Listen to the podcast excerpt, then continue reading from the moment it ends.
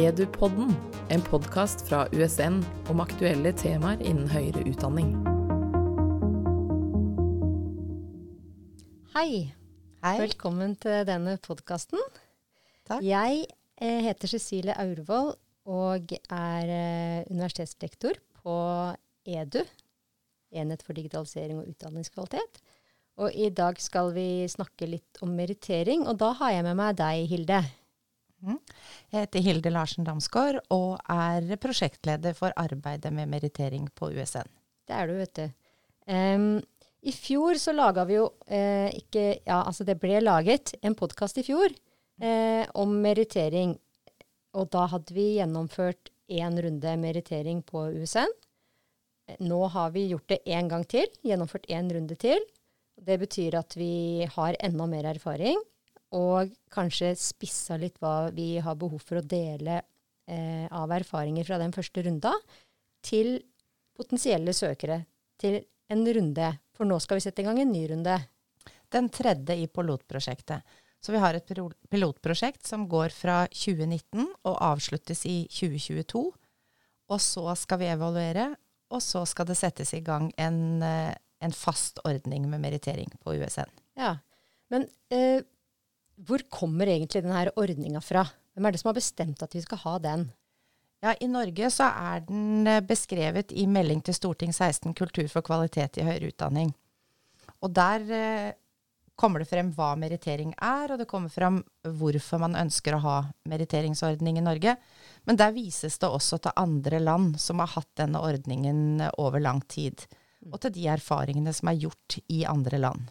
Men det er altså i den meldingen der det er grunnlaget er for å sette det i gang i Norge. Ja, Så det her er jo ikke noe vi har funnet på selv på USN. Nei. Og ikke, ikke var vi først heller.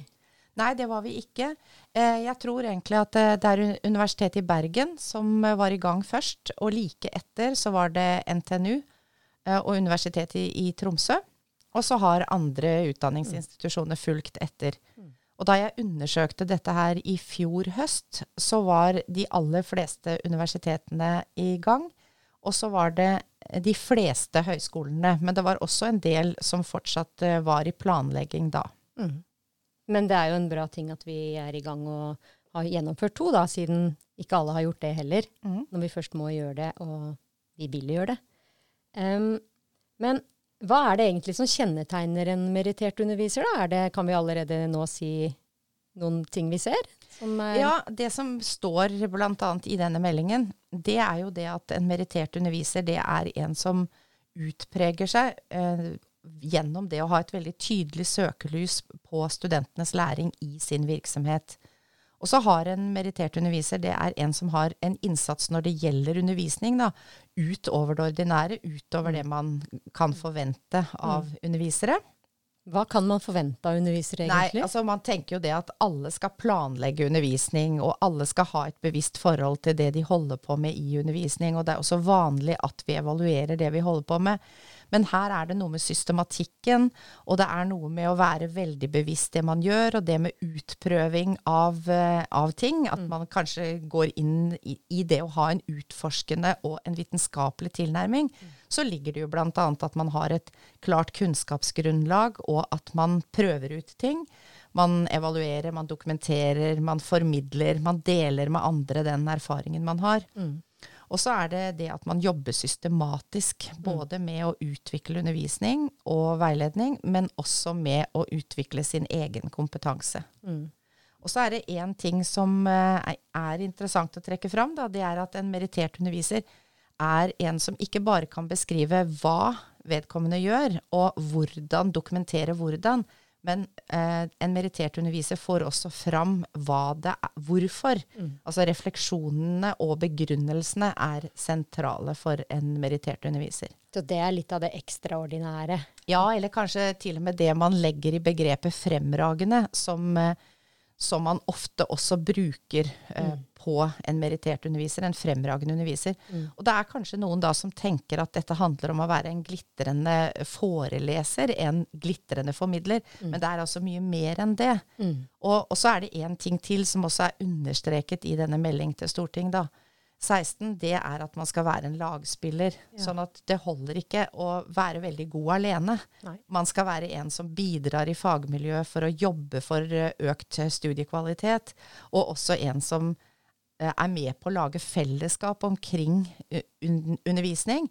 Og man kan liksom tenke seg at her handler det om å eh, være med på å skape et vi Mm. rundt undervisning. Mm. Så det er undervisning i bred forstand og undervisningskvalitet Ja. i veldig stor grad vi Riktig. snakker om.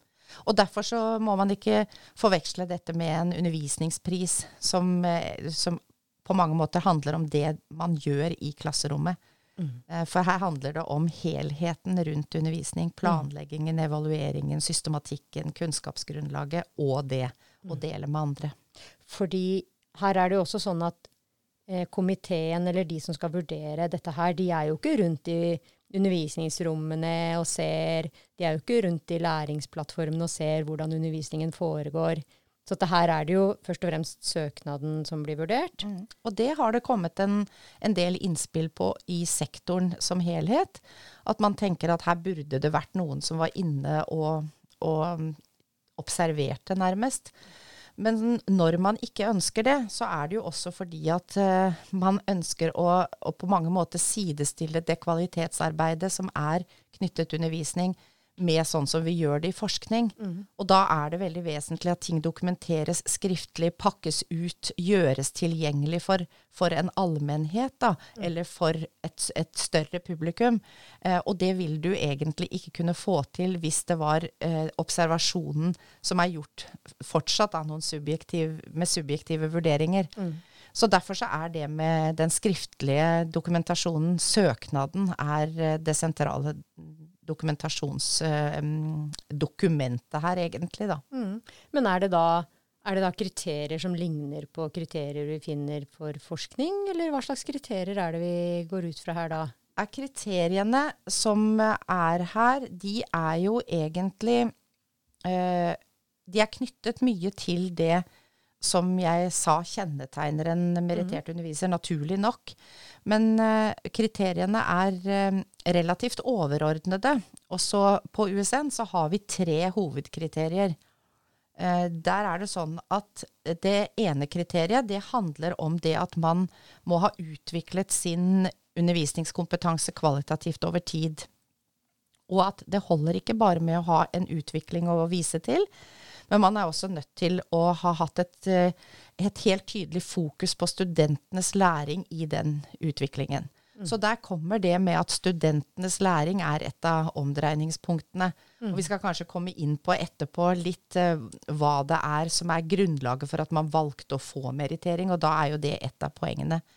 Og så er det det at man skal ha denne utforskende og vitenskapelige tilnærmingen til undervisning og læring, fordi man ønsker å sette et eh, enda sterkere kvalitetsstempel på den delen av virksomheten i høyere utdanning. Og så er det det at man skal være en engasjert og dyktig pedagogisk bidragsyter i fagmiljøet. Det er de tre hovedkriteriene. Altså egen utvikling med fokus på studentenes læring, og det å ha et grunnlag, en utforskende og vitenskapelig tilnærming til undervisning og eh, læring, og det at man skal være en del av et fellesskap. Og så ut i tillegg til det, for det er jo ganske overordnede ting, så har vi på USN laget en rekke eh, konkretiseringer, underkriterier, og de er eh, presentert på nettsiden om merittering. Ja, fordi det er, eh, de er litt mer spesif spesifikke i forhold til hva vurderingskomiteen vil se etter for å se om kriteriene er ja. oppfylt. Mm. For i den um, melding til storting så, så um, står det noe om at gjennom merittering så ønsker man egentlig å øke utdanningens status. Sånn at man innenfor universitet- og høyskolesektoren får et økt fokus på eh, utdanningsdelen og ikke bare forskningsdelen. Og så ønsker man å stimulere ansatte til økt innsats når det gjelder arbeid med undervisning og veiledning. Og ikke minst inspirere folk til å drive utviklingsarbeid og innovativt arbeid innenfor utdanningsdelen. Um, og så er det jo merittering egentlig da en form for eh, uttelling eller premiering da, til de som kan dokumentere resultater innenfor eh, utdanningsdelen. Mm. Men eh, da blir det jo veldig viktig å klare å vise gjennom søknaden da, at man fyller disse kriteriene. Eh, og det høres jo eh, Det er kanskje vanskeligere enn det høres ut å faktisk liksom vise at man fyller disse kriteriene. Ja, det er jo det. fordi det er veldig mye av det vi gjør som vi veldig ofte gjør mer sånn intuitivt. Altså omdreiningspunktet, hvis vi skal se det i stort når det gjelder um, merittering, det handler jo om det der med å få mer kunnskap om hva som bidrar til studentenes læring. Mm. Men veldig mange av oss som jobber med undervisning og har gjort det lenge, vi er jo vi er veldig opptatt av det, uten at vi nødvendigvis har artikulert det eller jobbet systematisk med å få resultater som kan dokumentere det vi gjør. Så det er noe av det som gjør det krevende, at vi har mye av dette her på mange måter under huden, men, men kanskje ikke er vant til å dokumentere undervisningen vår på samme måte som vi er vant til å gjøre når det gjelder forskning. Mm, så du må kanskje eh, se etter hvor du har dokumentasjon, da, eller må du må du, må du, tenke at du skal skaffe deg den dokumentasjonen? Hva, hva, hva, tenker man å anbefale der? Liksom? Hvordan går man fram for å ja, Det er egentlig begge deler, er den erfaringen vi har til nå. Det er eh, noen som da har eh, som er, Hos oss så det jo, har det jo vært eh, ni. Det er ni stykker som er meritterte på USN. Og de forteller om litt ulike innganger til det. Det er noen som da har valgt å legge vekt på ting der de har dokumentasjon.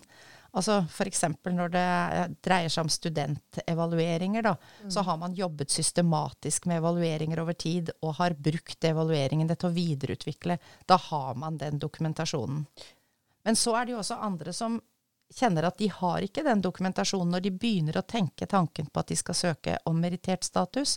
Og da er det eksempler på folk som da har jobbet systematisk med å fremskaffe den dokumentasjonen, og heller ventet litt med å søke merittering for å sikre seg at de har dokumentasjon på det de vil beskrive i søknaden. For når, når vi snakker om systematisk dokumentasjon, eller ikke, doku, ikke systematisk dokumentasjon, men systematisk arbeid mm. eh, med den utviklingen, um, hva, hva, er eksempler på hvordan du kan jobbe systematisk med det? For at uh, studentundersøkelser eh, foretas jo mm. hvert år.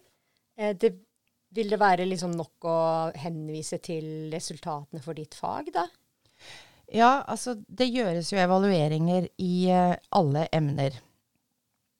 og da kan man jo spørre seg selv hva er utover det ordinære da? Altså det er det er vanlig å ha evalueringer, sånn at det er ikke noe ekstraordinært.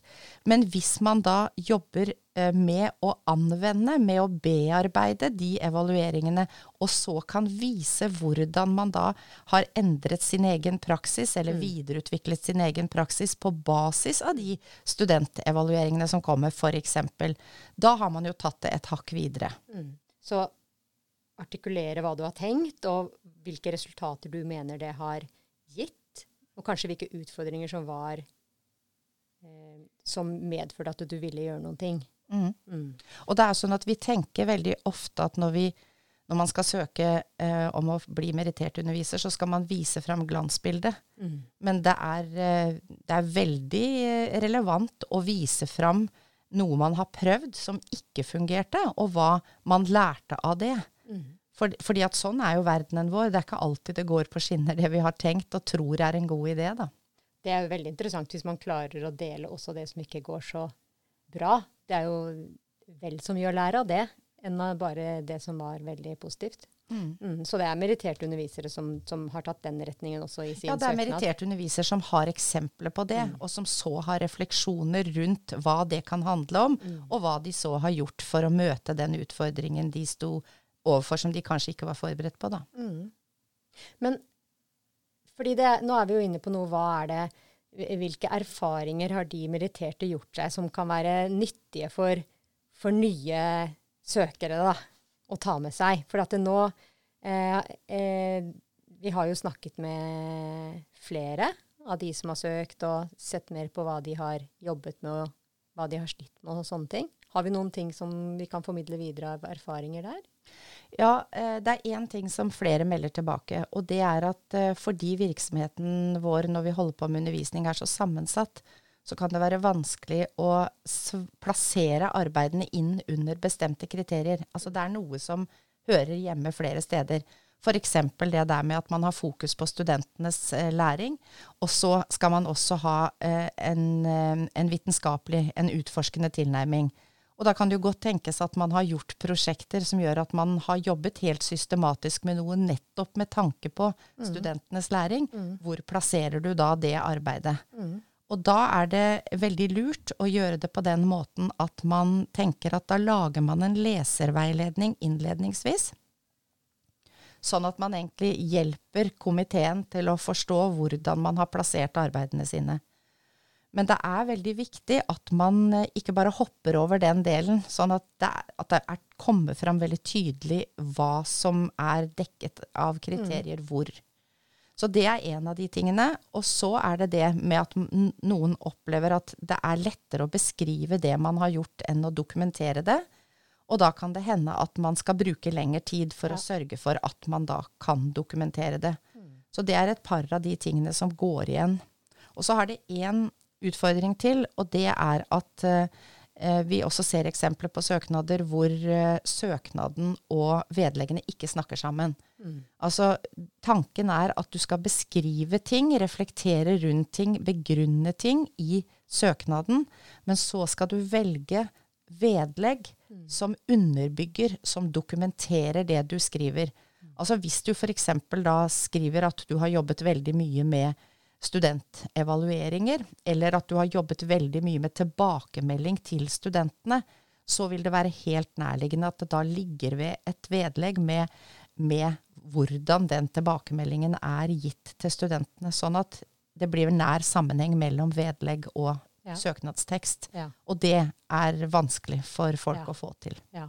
Og man bør helst skrive noe om vedleggene, da, eller trekke dem inn i i den diskusjonen du har i søknaden din. Ikke bare henvise til at det finnes et vedlegg, men si noe om hvorfor det er der. Og hva det vedlegget egentlig viser. Mm. For da er man der at man beskriver noe, og så dokumenterer man det gjennom mm. vedlegg. Mm. Fordi at dette handler om, om at vi skal tenke at også en meritteringssøknad skal være etterrettelig. Og det er jo sånn vi ville gjort det i forskning. Vi ville aldri beskrevet re, eh, resultater eller fått fram noen konklusjoner uten å vise hva slags grunnlag vi har for å trekke de konklusjonene, f.eks. Så vi kan tenke litt tykke beskrivelser, på en måte, da? Ja, man kan tenke tykke beskrivelser, og så kan man tenke at man også bearbeider ting. Fordi at hvis man bare legger ved en tabell som viser hvor mange studenter som svarte det og det og det på en evaluering, så gir det ganske lite informasjon. Mens en refleksjon rundt hvordan man da har brukt evalueringen, og hva evalueringen kan gjenspeile, det viser jo at man har en, eh, en, en refleksjon rundt egen virksomhet, da. Mm. Absolutt. Um, er det noen andre ting man absolutt ikke bør gjøre? Er det, no, er det noen, noen måter å skrive en søknad på som fungerer dårlig for leseren? Ja, det, det, er, det, er, hvis søknaden er veldig rotete. Altså hvis det er vanskelig for de som skal vurdere å finne ut um, hvor ting er dokumentert, og hvordan det henger sammen med kriteriene, det er obs, obs, det må man mm. unngå. Og det er jo egentlig akkurat det samme som hvis du leverer en vitenskapelig publikasjon, så sørger du jo for å jobbe med den på en strukturert måte, sånn at det er mulig for en leser å følge Mm. Argumentasjon og, og, hele strukturen i arbeidet. Så NB, NB, ikke det. Mm. Og så er det om å gjøre å skjønne at dette med merittering, det er et ledd i å inngå i en større eh, kultur, en felles kultur knyttet til kvalitetsarbeid i undervisning. Mm. Og da er det veldig viktig at man pakker ut, og ikke tenker at ting er innforstått. Altså hvis du f.eks. skulle søke, og så ville du tenke at nei, folk på USN vet hvem jeg er. Og det kan ikke være nødvendig for meg som har vært her i så mange år, å beskrive alt det jeg holder på med, eller pakke det ut, for det vet folk. Men hele poenget her er at man ønsker å lage en åpen kultur hvor det er undervisningspraksis som blir dokumentert og presentert på en sånn måte at vi kan lære av hverandre. Og da holder det på en måte ikke å tenke at jeg setter opp fire kulepunkter, mm. og så får komiteen finne ut mm. hvem jeg er på annet vis. For det er jo mange som føler at det er litt sånn unaturlig, og at man skryter av seg sjøl og sånn hvis man skal skrive en sånn type søknad med det som fungerer bra, og hvorfor du skal bli en merittert underviser. Men kanskje hvis man prøver å ha i bakhodet og tenke at dette her er for å dele en undervisningskultur, og her kan noen lære av det jeg har gjort som er bra, da. Eller hvordan jeg tenker at det kan heve kvaliteten på undervisningen, så er det kanskje lettere å, å skrive det også, da. Ja, og, ja, det tror jeg absolutt. Og det er jo sånn at det er viktig å få frem hva og hvordan ting er gjort, og så hvorfor det er gjort. Og hvis man holder seg til å tenke at man skal beskrive og dokumentere og begrunne, så trenger ikke det å lage en meritteringssøknad og være en sånn 'se på meg, her er jeg'. Da, da er det på mange måter en sånn saklig type mm. presentasjon av det man har gjort. Ja. Så, men, men samtidig så skjønner jeg den følelsen, for vi er ikke helt vant til å trekke fram vårt eget arbeid. Men hvis man da tenker at det å trekke fram ens eget arbeid og dele, det er et ledd i å, å bygge opp noe felles, gjøre et vi, skape et vi rundt undervisning, så er det kanskje litt lettere å gå inn i uh, en sånn type prosess. Ja. Fordi det er jo Det, det heter seg jo i um, de ulike veiledningene sånn at man skal lage en fortelling.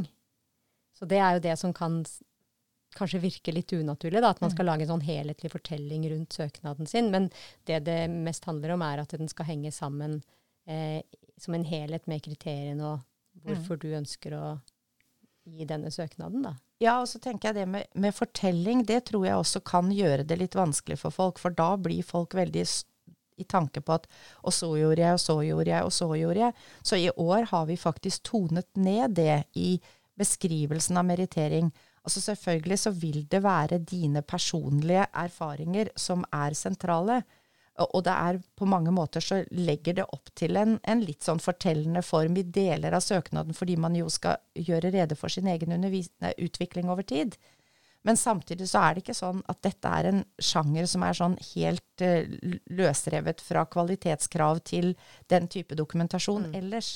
Så det er, det er full anledning til å få fram sin egen utvikling og gjøre dette um, på en litt annen og mindre eller kanskje mer sånn personlig måte enn man gjør i andre typer dokumenter. Men samtidig så skal det ha det preget av at man beskriver og får fram og reflekterer rundt og begrunner, da. Så vær, vær sikker på at du har eh, dekt kriteriene. Det er viktig. Um, men, og så har man levert denne søknaden, da. Hva skjer i etterkant av at man har levert den? Ja, da skjer det at eh, det er satt ned en vurderingskomité. Den er satt ned før eh, søknadsfristen er. Og så begynner den vurderingskomiteen å jobbe med en gang. Og da jobber komiteen hver for seg, sånn at man vurderer uhildet, og ingen ser hverandres vurderinger i den fasen. Og så møtes man og diskuterer og kommer frem til hvilke hvilke eh, søkere som eh, tilfredsstiller kriteriene. Og da har vi nå på USN en ordning som er sånn at det er et trinn to, og det er et intervju. Så de som har levert en søknad hvor to av tre hovedkriterier er vurdert til svært god, ut fra en tankegang om at en merittert underviser skal være fremragende, de går videre til et intervju. Og når intervjuet da er ferdig, så eh, konkluderes det med hvorvidt de som har gått videre til intervju, blir meritterte. Og de som ikke går videre til intervju, de blir ikke meritterte. Men de som ikke går videre, de vil nå eh, få en tilbakemelding, som er en fremovermelding også, som viser hva de må jobbe mer med hvis de eventuelt skulle ønske å søke på nytt.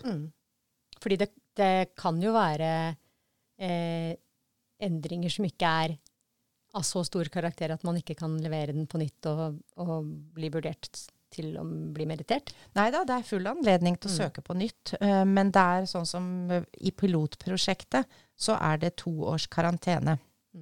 Så da må man vente, da, mm. før man kan søke på nytt. Men eh, man, det er ikke sånn at du ikke har anledning til det. Nei.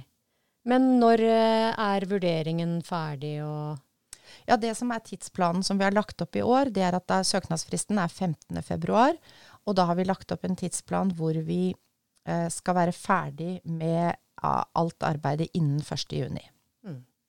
Så 1.6 har eh, i utgangspunktet alle fått beskjed uansett. Ja, Det er riktig. Da har man jo eh, fram til Men hva, en annen ting, hva skjer fram til eh, søknadsfristen nå? Ja, det er fint at du, du trekker fram.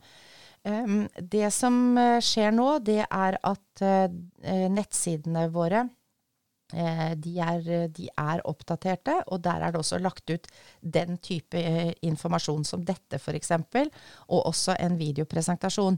Og tanken bak det, det er at da foreligger det både skriftlig informasjon som folk kan ha nytte av, men så er det også da mulighet for å, å få informasjon på en litt annen måte. Og så vil det bli gjennomført webinarer som er satt opp i en webinarplan som folk kan eh, eh, melde seg på. Og de webinarene har temaer. Først så får man informasjon om ordningen i et webinar og har anledning til å stille spørsmål. Og så vil det bli mulighet for å se gode eksempler. Ja. Og så høre merittertes erfaringer med det å søke. Eh, og så vil det også være helt konkret hvordan det kan være lurt å gå fram i en søknadsprosess.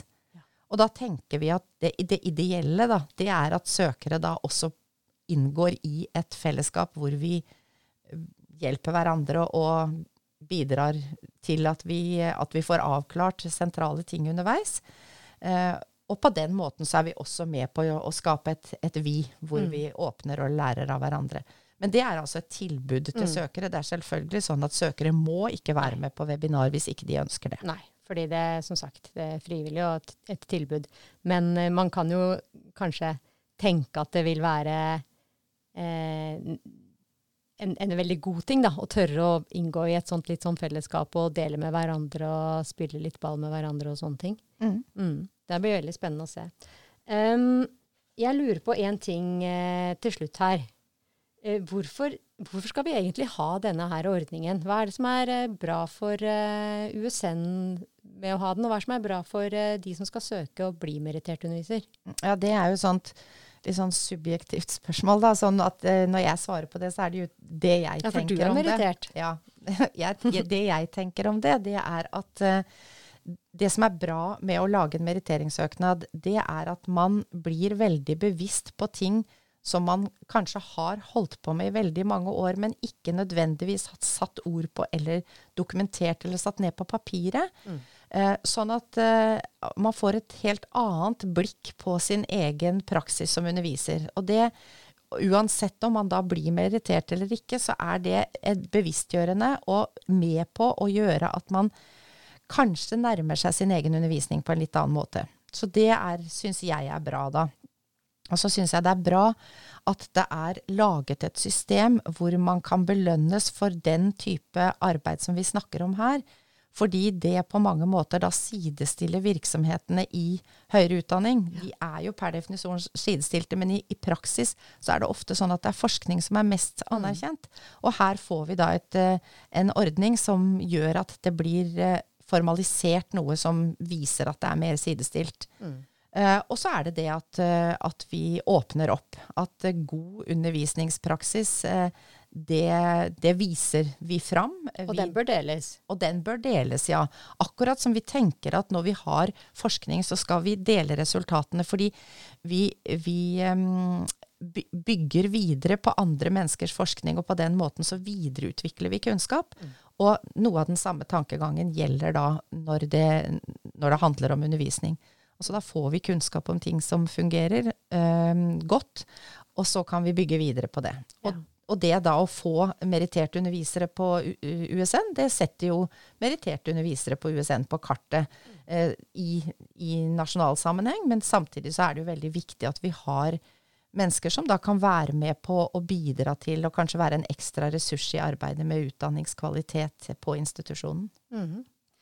Men da kan vi jo egentlig bare oppfordre da, undervisere som tenker at det her eh, kan være noe som passer for meg og min måte å undervise på, og gå på nettsidene til eh, EDU og søke opp merittert underviser og se hva som er alle de tingene vi har snakket om, og alle kriteriene og alle datoer og alt. Ja, og der ser man også det at det er noen krav for å kunne søke. Ja. Og det er jo at du sånn foreløpig hos oss, så må man være førstekompetent. Det er en beslutning som ble tatt da pilotprosjektet startet, og det skal gjelde for pilotprosjektet.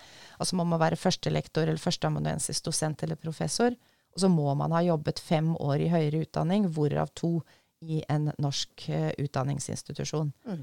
Men uh, utover det så kan man uh, ha jobbet med veldig veldig ulike ting og ha ulike inngangs, innganger til mm. uh, en meritteringssøknad. Ja, og hvis man tenker at det kunne være interessant, så oppfordrer du også til å delta på de ulike webinarene, for de vil jo ha en utvikling, de webinarene også. Så at du får jo tid til å jobbe med dette her hvis du er med fra starten og får en god start på søknaden din også. Og hvis du da tenker at det er et litt lengre lerret å bleke, så kan det likevel være ålreit å være med på webinarer, fordi at da modnes noe. Mm. Og så kan det hende at neste år så syns man at man er klar til å søke. Mm. Så, så, det er jo en, en, mulighet for å ha en sånn type prosess også. For det er jo ikke sånn at bordet fanger. Dette her kan gjerne være en prosess. Det er helt riktig. Ja. Og så er det sånn at uh, har man lyst til å snakke mer om det, har lyst til å drøfte ting eller ting man lurer på, eller hvis det er fagmiljøer som ønsker informasjon direkte til fagmiljøet, så er det jo vi som er i prosjektgruppa, hvor du, Cecilie Aurevold, og en som heter Cecilie Enquist Jensen, som også er med i prosjektgruppa, og jeg, Hilde Damsgaard, som kan bistå i mm. den type informasjon. Mm. Og det gjør vi gjerne. Mm. Men du, eh, tusen takk for at du kom og snakka litt om merittering. Så håper vi at vi ser mange interessante og gode Eh, søkere, og får en del innspill fra de som ønsker å søke. Mm.